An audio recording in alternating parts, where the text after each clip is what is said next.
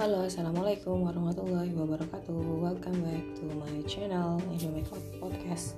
Kali ini kita akan membahas teman-teman booster How to change ourselves in six months. Jadi gimana kita bisa merubah diri kita Dari yang sebelumnya itu berperilaku negatif Menjadi perilaku yang positif dalam waktu enam bulan.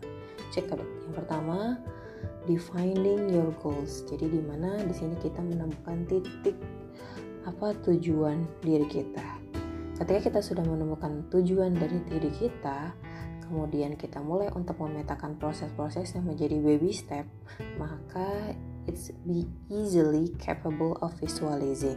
Nah, kita akan mempermudah kita untuk bagaimana merealisasikan itu.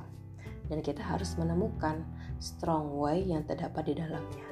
Ketika kita sudah menemukan strong way ini, maka kita memiliki motivasi untuk melakukan setiap kegiatan kecilnya.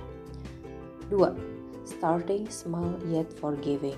Jadi ketika kita fokus sesudah memetakan langkah-langkah kemudian menjadi baby step kita mulai dari hal-hal yang kecil teman-teman jadi jangan langsung mengharapkan tujuan yang besar atau hasil yang besar dengan cara-cara yang instan jadi teman-teman harus percaya bahwa dengan adanya kegiatan-kegiatan atau aktivitas yang kecil itu bisa memberi dampak yang lebih besar.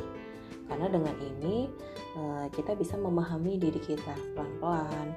Karena progress is a progress. Kita melakukan sesuatu itu membuat kita memotivasi untuk bisa melakukan hal yang lebih besar lagi. Tiga, celebrate your goals. Jadi ketika sudah mencapai satu titik, jadi tujuan kita kan sudah dipetek, dipetakan ya teman-teman menjadi tujuan-tujuan yang kecil-kecil, maka kita harus menselebrat itu. Dan selebrat itu tidak harus dengan sesuatu dalam tanda kutip toxic wordnya adalah healing.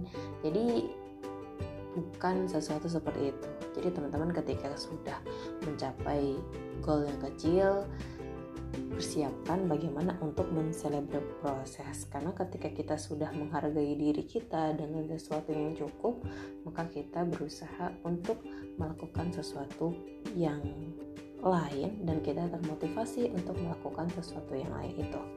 And ready for more challenges. Pasti kita akan siap dong ya karena udah menselebrat diri itu kan kita sudah memotivasi diri juga ketika ada tantangan yang datang berarti kita siap untuk menempuhnya and steady on your progress.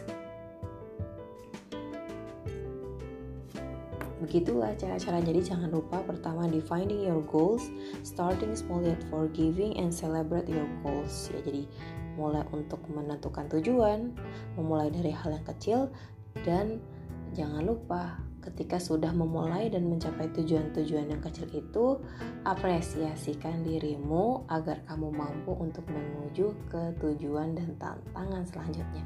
Terima kasih. Wassalamualaikum warahmatullahi wabarakatuh.